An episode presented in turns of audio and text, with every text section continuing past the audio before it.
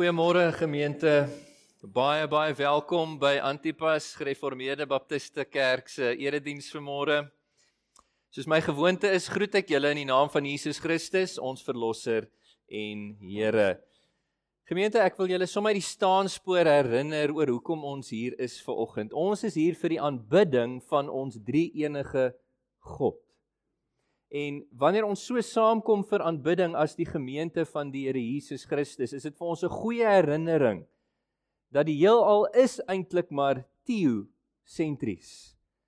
Hy is die senter, hy is die middelpunt, die fokus en die klem ook dan van ons diens vanmôre.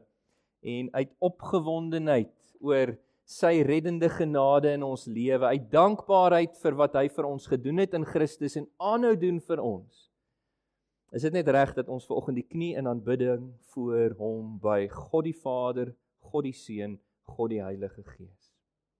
Amen. Kom ons maak ons Bybels oop by Spreuke hoofstuk 31 vir ons skriflesing vir môre. As gemeente is ons ernstig oor die sentraliteit van God se geïnspireerde en gesaghebende woord Daarom open ons ons eredienste met die lees van die Bybel Spreuke 31. Vanoggend se woordbediening is die begin van 'n kort 2 weke reeksie oor die huwelik wat ek getitel het God se bloudrukplan vir 'n gesonde, gelukkige, Godverheerlikende huwelik. En ons gaan vanoggend spesifiek kyk na die rol wat God vir die vrou toebedeel het binne die huwelik.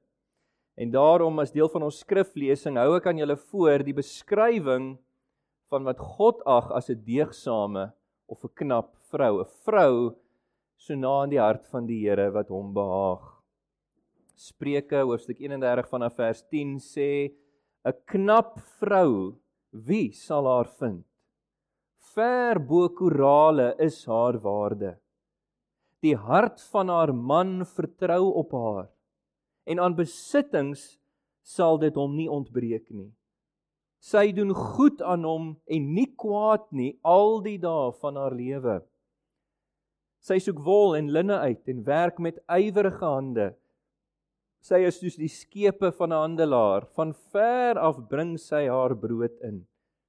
Sy staan op terwyl dit nog nag is. Sy voorsien voedsel vir haar huisgesin en porsies vir haar diensmeisies. Sy dink na oor 'n stuk grond en sy koop dit. Met die verdienste van haar hande plant sy 'n wingerd. Daad kragtig omgord sy haar heupe, sy steek haar hande uit haar moue. Sy merk dat sy goeie wins maak. Snags gaan haar lamp nie dood nie. Sy steek haar hande uit na die spinstok en haar handpalms hou die spoel vas. Haar handpalms strek sy uit na magteloses Haar hande steek sy uit na behoeftiges. Sy is nie bekommerd oor haar huisgesin wanneer dit sneeu nie, want haar hele gesin is geklee in karmosynrooi weefstof. Sy maak vir haar dekens, haar bokkleed is van linne en purperrooi wol. Haar man is bekend in die stadspoorte wanneer hy saam met die oudstes van die land sit. Sy maak klere van linne en verkoop dit. Gordels lewer sy aan die handelaars. Krag en luister is haar bokkleed. Sy lag onbesorgd oor die toekoms. Haar mond maak sy oop met wysheid en liefdevolle onderrig is op haar tong. Sy hou haar oog op die werk in haar huis, brood van luiheid eet sy nie. Haar kinders tree na vore en noem haar gelukkig. Haar man, hy besing haar lof. Baie vroue het hulle knap gedra, maar jy jy oortref hulle almal. Charme is bedrieglik en skoonheid is nietig.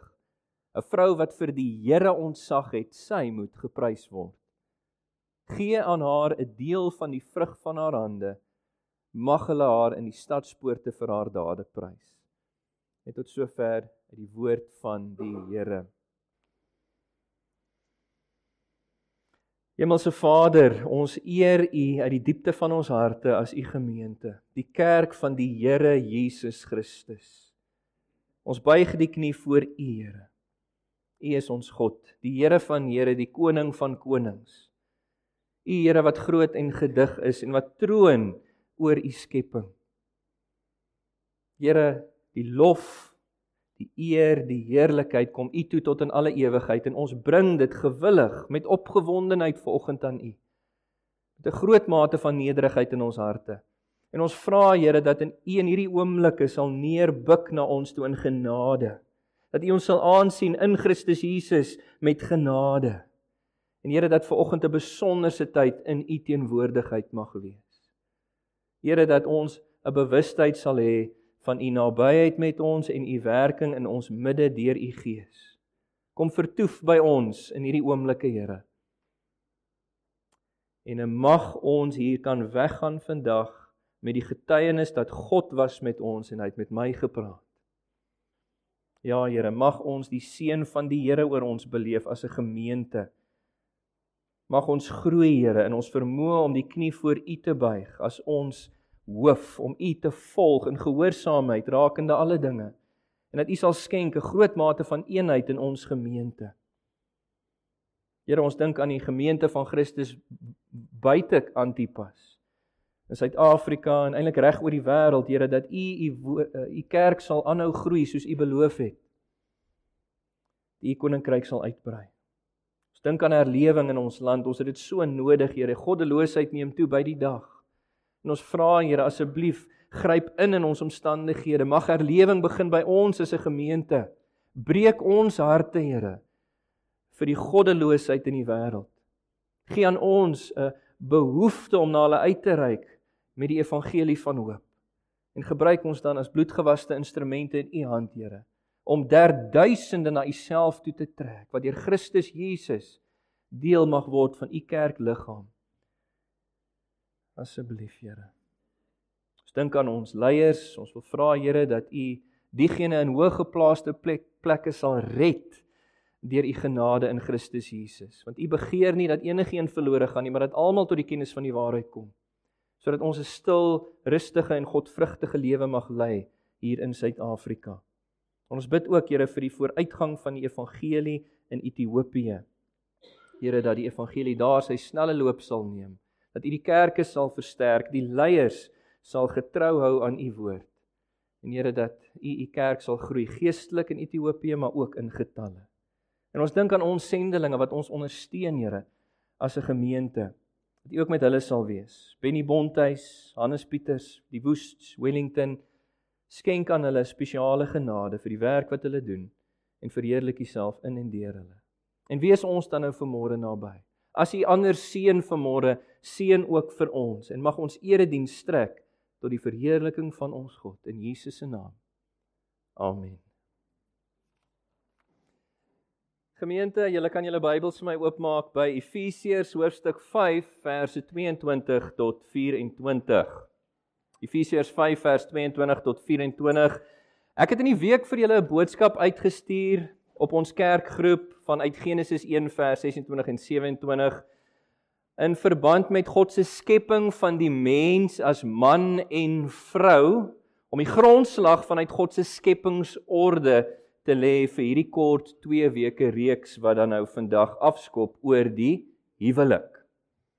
Ek het hierdie kort reeksie getitel God se bloudrukplan vir 'n gesonde, gelukkige, Godverheerlikende huwelik. Ons begin vandag deur aandag te gee as tema spesifiek aan die rol van die getroude vrou binne in die huwelik. Efesiërs 5 vanaf vers 22 tot 24 die rol van die getroude vrou binne die huwelik. Gemeente ons God is werklik goed. En een van die wyse waarop hy sy goedheid aan ons bewys het, is juis deur aan ons die instelling van die huwelik te gee as 'n bron van seën. En ek is seker julle kan saam met my getuig dat die huwelik op soveel vlakke 'n bron van seën is vir gelowiges. En daarom is dit vir my so hartseer dat soveel mense, selfs belydende Christene, die huwelik beleef as 'n bron van smart. Daar is twee primêre redes daarvoor na my mening. Die eerste is onkunde. Onkunde oor die rolle wat God aan die man en aan die vrou toebedeel het binne in die huweliksverhouding. Of onwilligheid aan die ander kant. Onwilligheid om daai rolle wat God aan die man en aan die vrou toebedeel het op te neem in gehoorsaamheid aan die Here Jesus Christus deur die instaatstelling van sy Heilige Gees. Kyk, sommige getroudes is al so moedeloos oor die konflik wat hulle dag in dag uit beleef binne in die huwelik dat hulle dit aanvaar as die norm tot oneer van die Here. En dis hartseer vir my. Want God het die huweliksverhouding tussen een natuurlike man en een natuurlike vrou. Kyk, ons glo die huwelik is 'n monogame heteroseksuele eg, soos God dit in sy woord definieer. Die Here het daai verhouding bedoel om die menslike verhouding te wees waarin ons die meeste vreugde en vervulling vind. Diegene wat konstante konflik beleef, mis uit op die seën wat die Here bedoel het dat die huwelik moet wees. Nou as jy vanoggend identifiseer met wat ek sê, as jy dit beleef in die huwelik, konflik, stryd, twis, tweedrag, partyskap, al hierdie dinge, weet daar is hoop. Daar is hoop geliefde.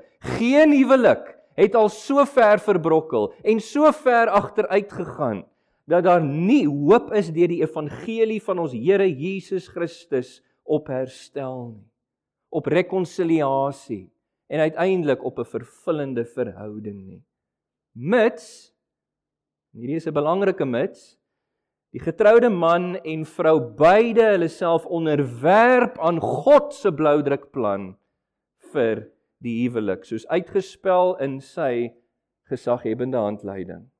Die woord van God, die Bybel. Kyk, die Here het die huwelik geskep, né? En hy het die huwelik aan ons gegee en as sulks weet hy hoe die huwelik moet werk. En die logiese gevolgtrekking is dat 'n gesonde, gelukkige, God-verheerlikende huwelik is net moontlik na mate beide die man, beide die vrou God se wil vir die funksionering van die huwelik aanvaar en hulle self daaraan onderwerp in gehoorsaamheid aan die Here Jesus deur die instaatstelling van die Heilige Gees. So gemeente, die Here wil ons vandag toespreek vanuit sy woord oor sy wil vir die huweliksverhouding. Ons gaan vandag, soos ek gesê het, kyk na die rol van die getroude vrou. En volgende week, as die Here wil en as hy vertoef om te kom, dan gaan ons kyk na die rol van die getroude man. En die Here wil ons toespreek oor die huwelik sodat beide man en vrou mag weet hoe om God te verheerlik deur die opneem van julle unieke spesiale rolle in die huwelik. Maar met dit gesê wil ek nie nou hê die res van julle moet afskakel nie. Ek kan sien van die manne ek ek ken nie gesigsuitdrukkings nou al. Moenie afskakel nie. Manne Onthou, julle is die hoofde van julle huise en julle moet weet hoe om julle vrouens en ook julle dogters te leer en te lei met betrekking tot die opneem van hulle rolle in huwelik. Ongetroude dames, moet julle ook nie afskakel nie want wie weet wat die Here se plan vir julle in die toekoms is. Luister. En aan die res van julle ook, die enkellopendes, die ouers, gemeente, Dis belangrik dat ons die wil van die Here ken in alle opsigte, ook in hierdie opsig, want onthou, ons is 'n kerkfamilie wat aan mekaar ondersteuning moet bied deur vir mekaar te bid en ons wil graag weet hoe om reg te bid vir mekaar en hoe om vir mekaar reg aanspreeklik te hou en te bemoedig rakende die wil van die Here. Daarom almal skakel aan en let op wat die Here vir ons vandag deur sy woord en gees wil sê. Net voordat ek die teks saam met julle lees, gaan ek vir julle die konteks van die teks verduidelik. Paulus maak 'n primêre stelling in hoofstuk 5 vers 18. Efesiërs 5 vers 18. Kyk saam met my. Hy sê dat ons nie moet dronk word van wyn nie. Met ander woorde, moenie jouself onder die beheer van alkohol plaas nie want daarin is losbandigheid. Hy sê word vervul dan word pleiro in die Grieks. Hy sê kom onder die beheer liewer van die Heilige Gees.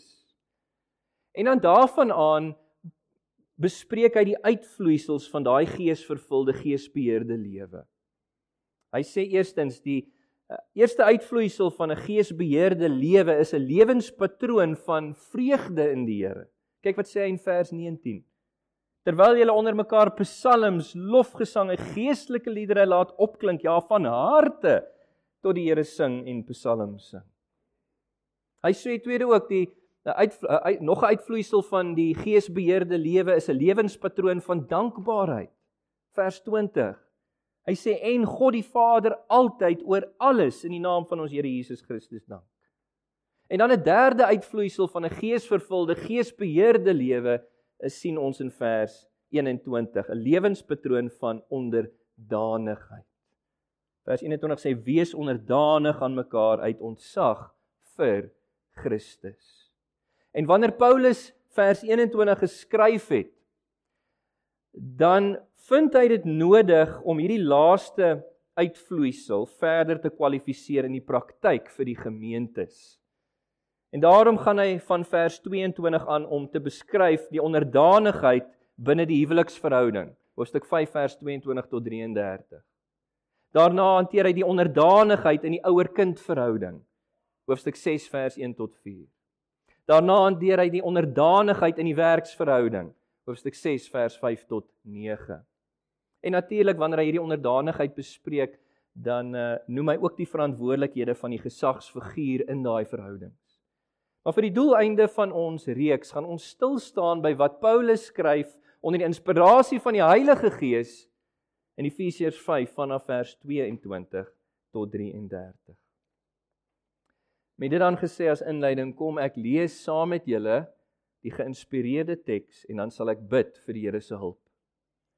Efesiërs 5 vanaf vers 22 sê Vroue Wees onderdanig aan julle mans soos aan die Here.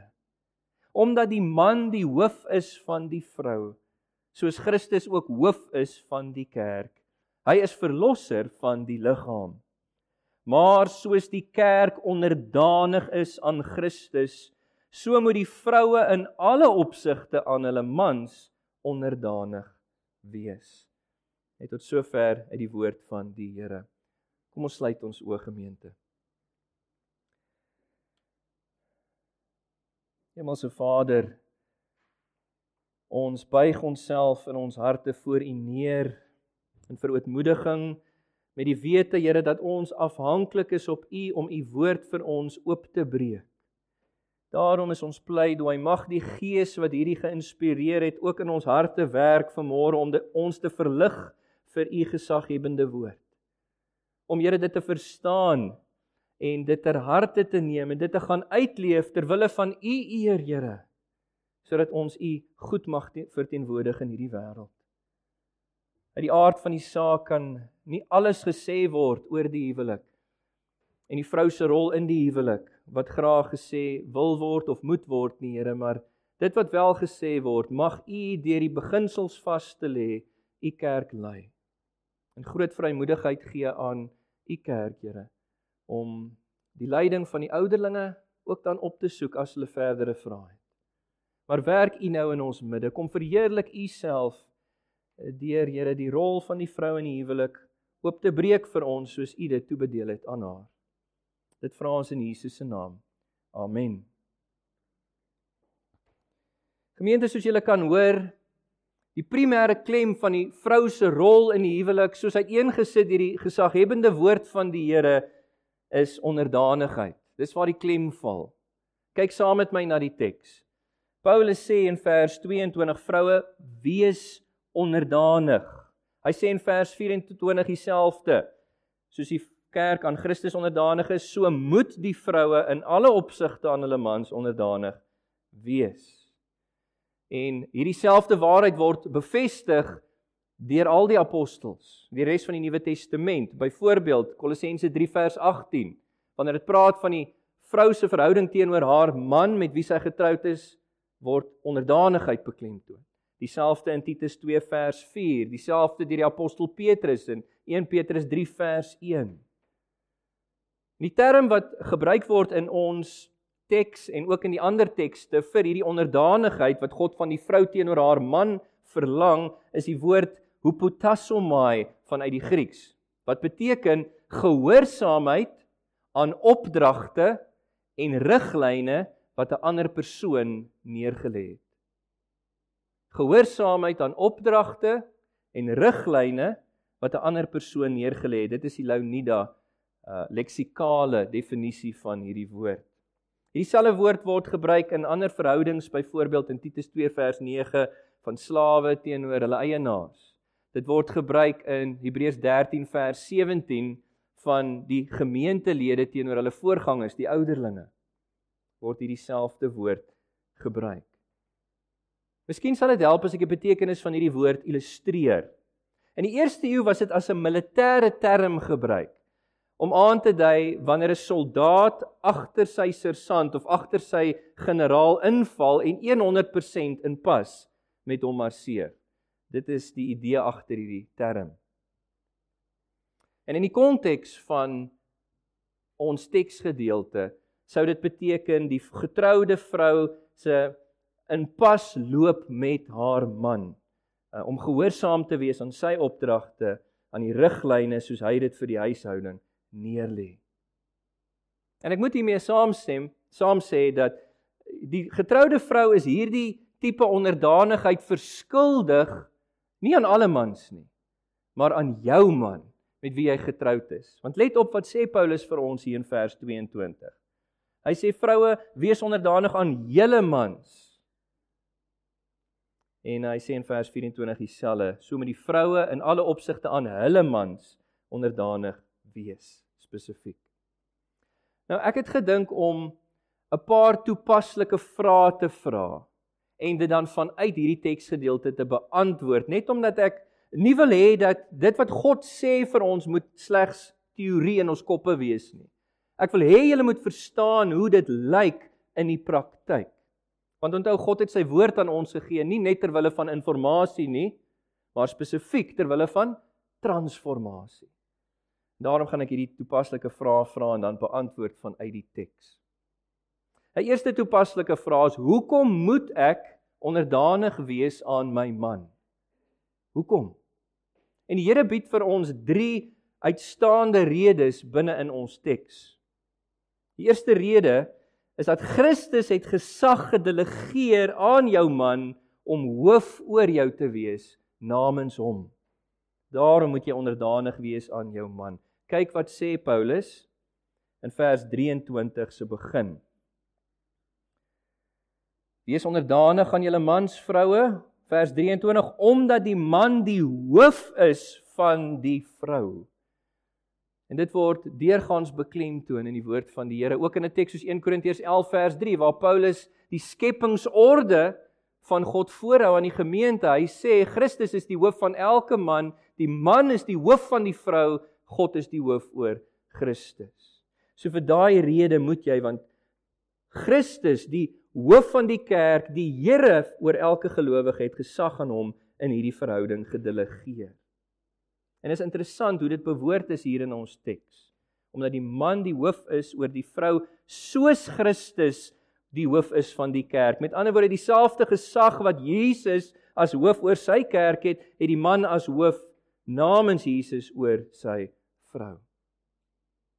Die gevolgtrekking is dat ons kan sê jou gehoorsaamheid aan die gedelegeerde gesag van jou man is gelykstaande aan gehoorsaamheid aan jou opperhoof Jesus Christus wat daai gesag aan hom gedelegeer het.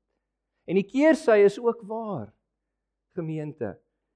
Ongehoorsaamheid aan die gedelegeerde gesag van jou man is gelykstaande aan ongehoorsaamheid aan die opperhoof Jesus Christus wat daai gesag aan hom gedelegeer het. So dis die eerste rede hoekom Christus het gesag gedelegeer volgens sy woord. Dan 'n tweede rede wat so miskien so bietjie meer obskuur of abstrak in die teks is, is dat God het jou gered onder andere om onderdanig te wees aan jou man. Daarom moet jy onderdanig aan hom wees. Kyk wat sê Paulus hier in die laaste gedeelte van vers 23 en 24. Dit sê hy Jesus is verlosser van die liggaam sy kerk Maar soos die kerk onderdanig is aan Christus, moet die vroue dit aan hulle mans wees. En die idee wat Paulus kommunikeer, kyk, hy gebruik 'n illustrasie hier om sy punt te maak. Soos wat die kerk vanuit hierdie ongehoorsame wêreld uitgered is om onder die hoofskap van Christus te staan, om gehoorsaam te wees, onderdanig aan hom in alle dinge, net so is die vrou gered deur die Here onder andere. Dis nie jou primêre doel van jou redding nie, maar onder andere om onderdanig gehoorsaam te wees aan jou man, toegewyd, lojaal om in pas te bly met sy opdragte, die riglyne soos hy dit vir die huishouding neerlê. En dan 'n derde rede hoekom die vrou, getroude vrou, onderdanig moet wees aan haar man. En seker die mees belangrikste is dit. Jesus Christus wat die hoof van sy kerk is, wat die Here van elke gelowige is, hy het dit beveel.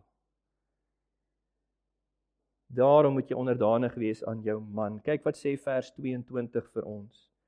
Paulus skryf in die imperatief en hy sê wees onderdanig aan julle mans.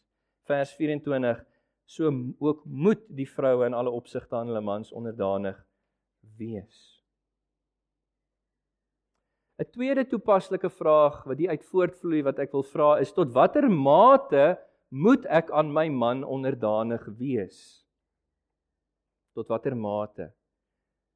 Geliefdes, God se bedoeling is vir die getroude vrou om onderdanig te wees in 'n algehele en 'n omvattende sin.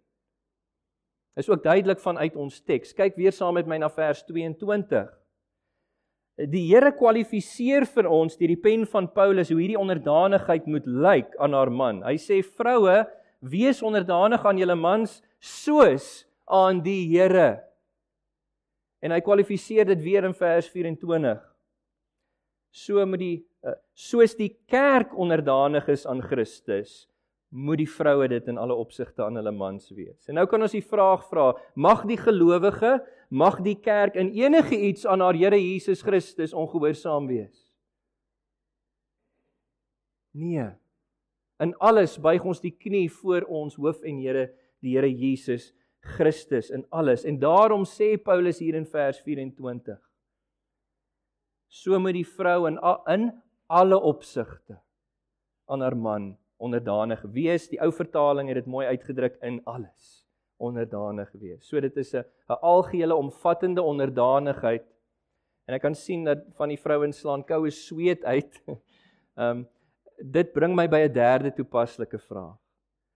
Wat as my man van my verwag om te sondig teen die Here en my God gegeewe gewete te oorskry? Wat dan? Gemeente, die enigste Bybelse rede vir ongehoorsaamheid in die huweliksverhouding vanaf die vrou teenoor haar man is wanneer jou man jou nie lei binne die wil en waarheid van die woord van die Here nie. Onthou, en hierdie is belangrik manne en vrouens dat ons dit sal verstaan. Jou man se gesag is 'n gedelegeerde gesag vanaf die hoof. Sy gesag as hoof oor jou is nie 'n ongekwalifiseerde, onbeperkte gesag oor jou nie. Dis nie vrye teels om te doen soos wat hy wil nie. Die man is God of Christus se verteenwoordiger as hoof oor jou. Hy staan onder Jesus om jou te lei binne die wil en waarheid van die Here in sy woord namens die Here. En daarom kan ons sê albei die man en die vrou staan onder die hoofskap van Jesus Christus. En net soos die vrou haarself moet onderwerp aan die hoofskap van Christus om onderdanig te wees aan haar man, net so moet die man homself onderwerp aan Jesus Christus in die uitvoering van sy hoofskap oor die vrou. Jy mag nie van jou vrou verwag om sonde te doen nie. Jy mag nie van jou vrou verwag om valsheid of dwaaling te glo nie. En Vrouens waar jou man dit doen, oorskry hy sy Godgegewe mandaat, soos wat ons dit hier in die teks het. Waar hy jou lei buite die wil en waarheid van God se woord, het jy die verpligting dan om ongehoorsaam te wees aan jou man se sekondêre gedelegeerde gesag sodat jy kan gehoorsaam bly aan die oppergesag, die primêre gesag van julle albei se opperhoof, die Here Jesus Christus en dit maak saak hoe jy dit doen in liefde en in respek. Ons sal nou-nou daarby uitkom. Ek glo julle verstaan dit so. Maar na mate jou man jou nie lei buite die wil en waarheid van God se woord nie, moet jy onderdanig wees, moet jy ongehoorsaam bly, jammer, in alle opsigte soos Paulus hier skryf in vers 24. Dan 'n vierde toepaslike vraag: Maak dit saak watter ingesteldheid of watter houding ek inneem wanneer ek onderdanig is aan my man? Absoluut. Let weer op in vers 22 en 24. Die onderdanigheid van die vrou aan haar man word gekwalifiseer. Vroue, wees onderdanig aan julle mans soos aan die Here. En in vers 24 soos die kerk aan Christus onderdanig wees, moet die vrou dit aan hulle mans wees. En ons kan sê dat die Here verwag van die gelowige en ook van die gemeente om aan hom onderdanig te wees met die ingesteldheid met die houding van opregte liefde, van respek en eerbied, van loyale toewyding. Blote uiterlike navolg van God se wil terwyl jy in jou hart koester weersin en teenkanting en disrespek en rebellie teenoor die Here sal die Here mishaag. Dit is sonde in die oë van die Here om hom so te gehoorsaam en dit sal sy dissipline oor jou uitlok. Dieselfde kan ons sê in verband met die vrou se onderdanigheid aan haar man. Blote uiterlike navolg van jou man se opdragte en riglyne maar met weersin en teenkanting en disrespek en rebellie in jou hart sal die Here mishaag. Dis sonde voor die Here en dit sal sy dissipline uitlok.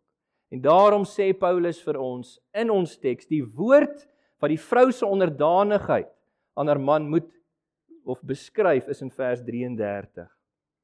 Die laaste gedeelte van die vers: Laat die vrou haar man eerbiedig respek in haar hart vir haar man.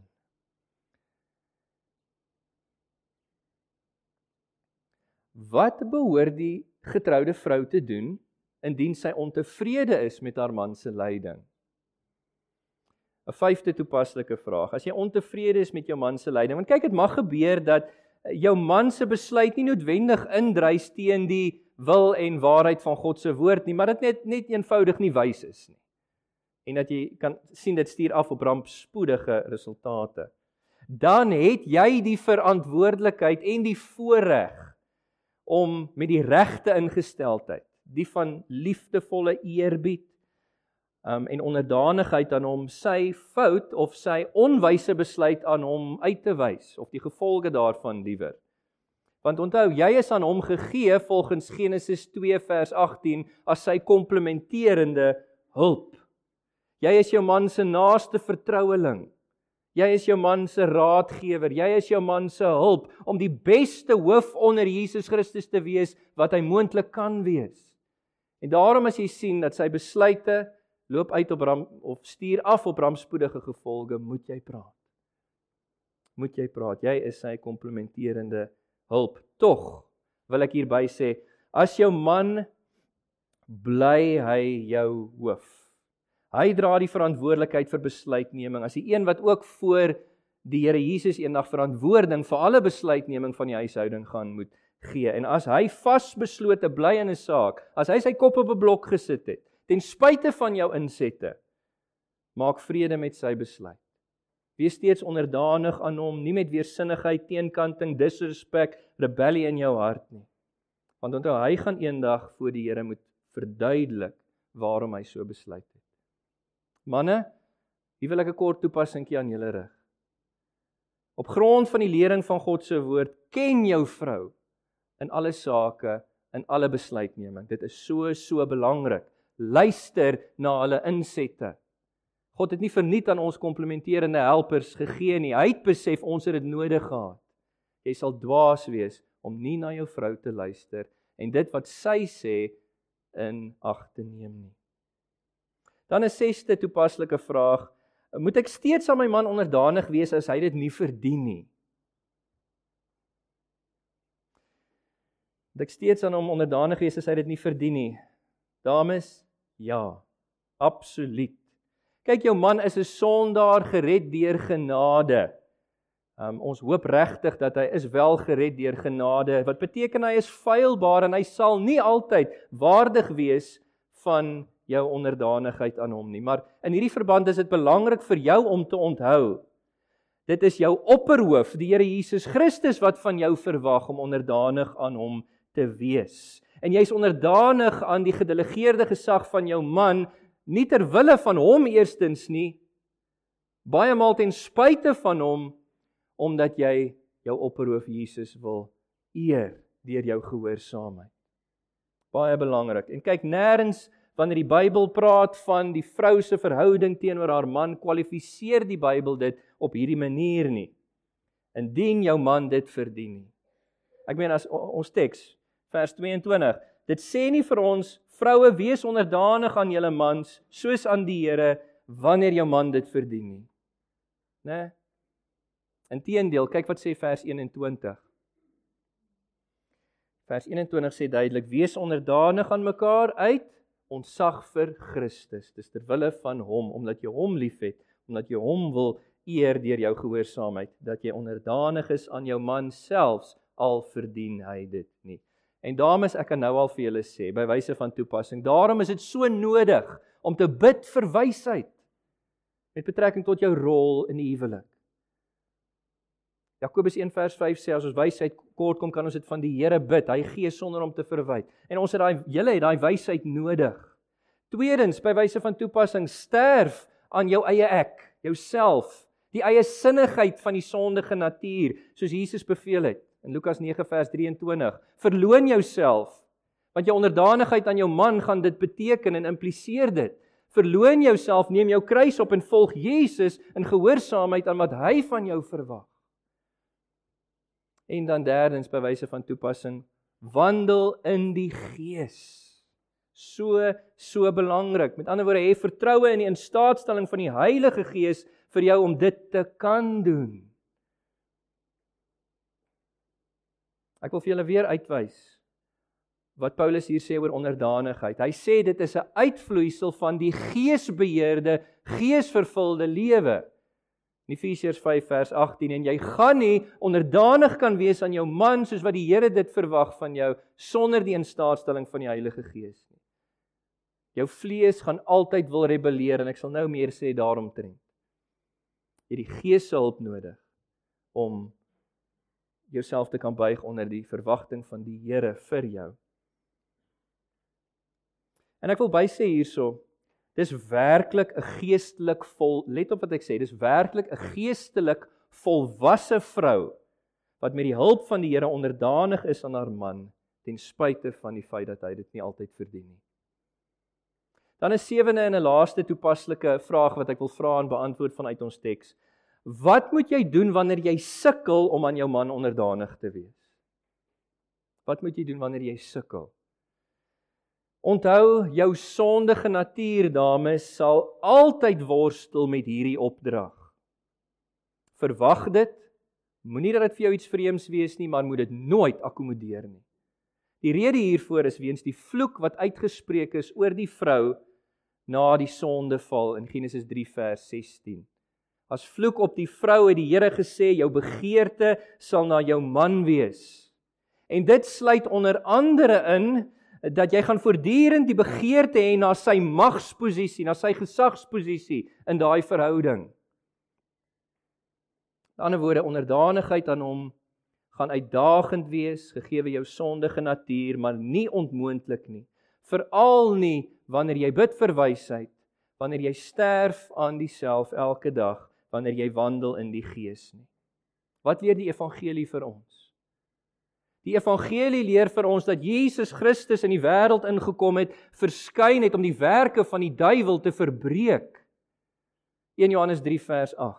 Jesus het deur sy verlossingswerk daai dominerende mag van Satan en sonde oor jou gebreek. Jy's nie meer 'n slaaf van sonde nie. Jy's nie meer 'n slaaf van Satan nie en ten spyte van die vloek wat nog nie gelig is van hierdie aarde nie kan jy met die hulp van die Heilige Gees onderdanig wees aan jou man. Ek wil ook 'n uh, 'n paar toepaslike vermaanings rig aan die vrouens, die getroude vrouens in die lig van ons teks vanmôre. Nommer 1: Dank die Here vir jou man.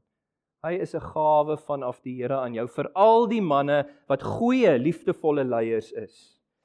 En bring hulle sommer saam volgende week kerk toe asseblief. Dank die Here vir jou man. Tweedens, bid daagliks vir jou man met betrekking tot sy rol om te wees die liefdevolle leier wat God verwag dat hy moet wees. Bid vir hom. Derdens, bemoedig jou man gereeld. Hoor julle vrouens gereeld bemoedig hom. Ehm um, veral wanneer hy 'n goeie liefdevolle hoof is soos wat God dit van hom verwag. Prys hom daarvoor. Vierdens ondersteun jou man met betrekking tot sy rol deur terug te staan en hom toe te laat om hoof te wees oor die huishouding soos die Here hom geroep het om te wees. Staan terug. Laat hom toe om die rigting vir die huishouding aan te gee. Laat hom toe om die riglyne neer te lê in die huis. Met betrekking tot alle sake, kinderopvoeding, waar jy aanbid, waar jy bly en so voorts. Laat hom toe om die besluite te neem en ondersteun hom. Vyftens, soek jou man se leiding op soos Paulus sê in alle opsigte vers 24 dit sal die Here verheerlik. Sestens help jou man met betrekking tot sy rol. Jy is sy komplementerende hulp uh, om hom by te staan om die beste liefdevolle hoof en leier te wees wat hy kan wees. Daarom help hom om dit te wees en dan sewende respekteer jou man met 'n liefdevolle eerbied, dieselfde agting en respek wat jy vir die Here Jesus het, moet jy vir jou hoof hê, jou man.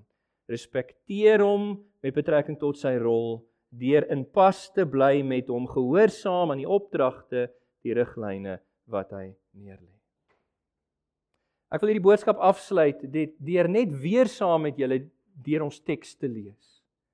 En met dit wat ek nou gesê het, Laat dit in jou hart en jou gedagtes wees as ons weer hierdie teks lees.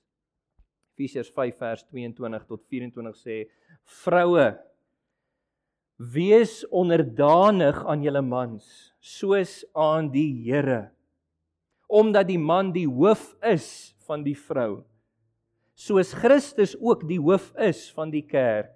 Hy is die verlosser van die liggaam. Maar soos die kerk onderdanig is aan Christus, Net so moet die vroue in alle opsigte aan hulle mans onderdanig wees. En dames se laaste woordjie, hou jou oë van geloof op die Here Jesus Christus. Hy is vir ons die perfekte voorbeeld van wat onderdanigheid moet wees. Ons lees in Johannes 4:34 Hy sy voedsel was om die wil van die Vader te doen. Ons lees in Johannes 6 vers 38, hy het nie gekom om sy wil te doen nie, maar die wil van die Vader. Ons lees in Johannes 8 vers 29, ek het altyd gedoen wat die Vader behaag. Hy is vir ons daai voorbeeld. Sy onderdanigheid aan die Vader is die maatstaf van die vrou se onderdanigheid aan haar man. Onthou ook dat daar is altyd vergifnis beskikbaar by die Here Jesus. Wanneer jy gefaal het, wanneer jy struikel in jou onderdanigheid aan jou man, vlug na die Here Jesus Christus toe. Bely jou sonde voor hom. Hou kort rekening met die Here. Moenie moenie nou in stilstype ingaan en en laat dit slymer nie. Sê dadelik jammer aan die Here. Onthou 1 Johannes 1 vers 9 en sê ook jammer aan jou man sodat daar rekonsiliasie en versoening kan kom en vertrou op die Here Jesus se instaatstelling deur sy gees om daai lewe van onderdanigheid te leef soos hy dit aan die Vader geleef het op aarde. Amen. Kom ons sluit ons oë.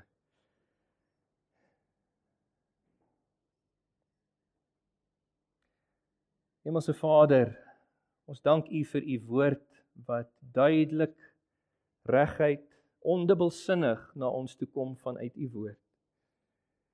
Here, ons kom erken ons afhanklikheid op u want dit is nie moontlik vir ons in ons eie krag om dit uit te leef nie. Here, maar tog u sal nie vir ons 'n opdrag gee en ook nie daarmee saam die voorbeeld stel en die instaatstelling gee om dit te kan doen nie. U terg ons nie. En ek wil bid vir instaatstelling vir elke getroude vrou. Here om die knie te buig voor U allereers vir dit wat U van hulle verwag wat hulle rol in die huwelik aanbetref. Asseblief en mag hulle vreugde put daaruit omdat hulle weet die glimlag van die Here rus op hulle. Alhoewel dit nie maklik gaan wees altyd nie, Here. Dat U vir hulle sal help. En ek wil ook bid Here vir die res van ons dat U vir ons sal help, Here, om met baie genade en geduld vir ons sissies in die geloof te bid. Vir ons oumas, ons moeders, ons biologiese susters, dalk ons dogters om hulle te eh, bemoedig, Here, met hierdie waarheid. Sodat hulle, Here, dit kan doen tot U eer. Here, ons buig die knie voor U. U is die hoof oor U kerk, die Here oor elkeen van ons. En is ons begeerte om U te gehoorsaam. Help ons daarin tot U eer. En wees ook nou in die res van hierdie erediens, Here, wanneer ons die slotlied gaan sing, die seënbede uitspreek en na die tyd same syn gaan hê tot U eer. Verheerlik U self ook daarin in Jesus naam. Amen.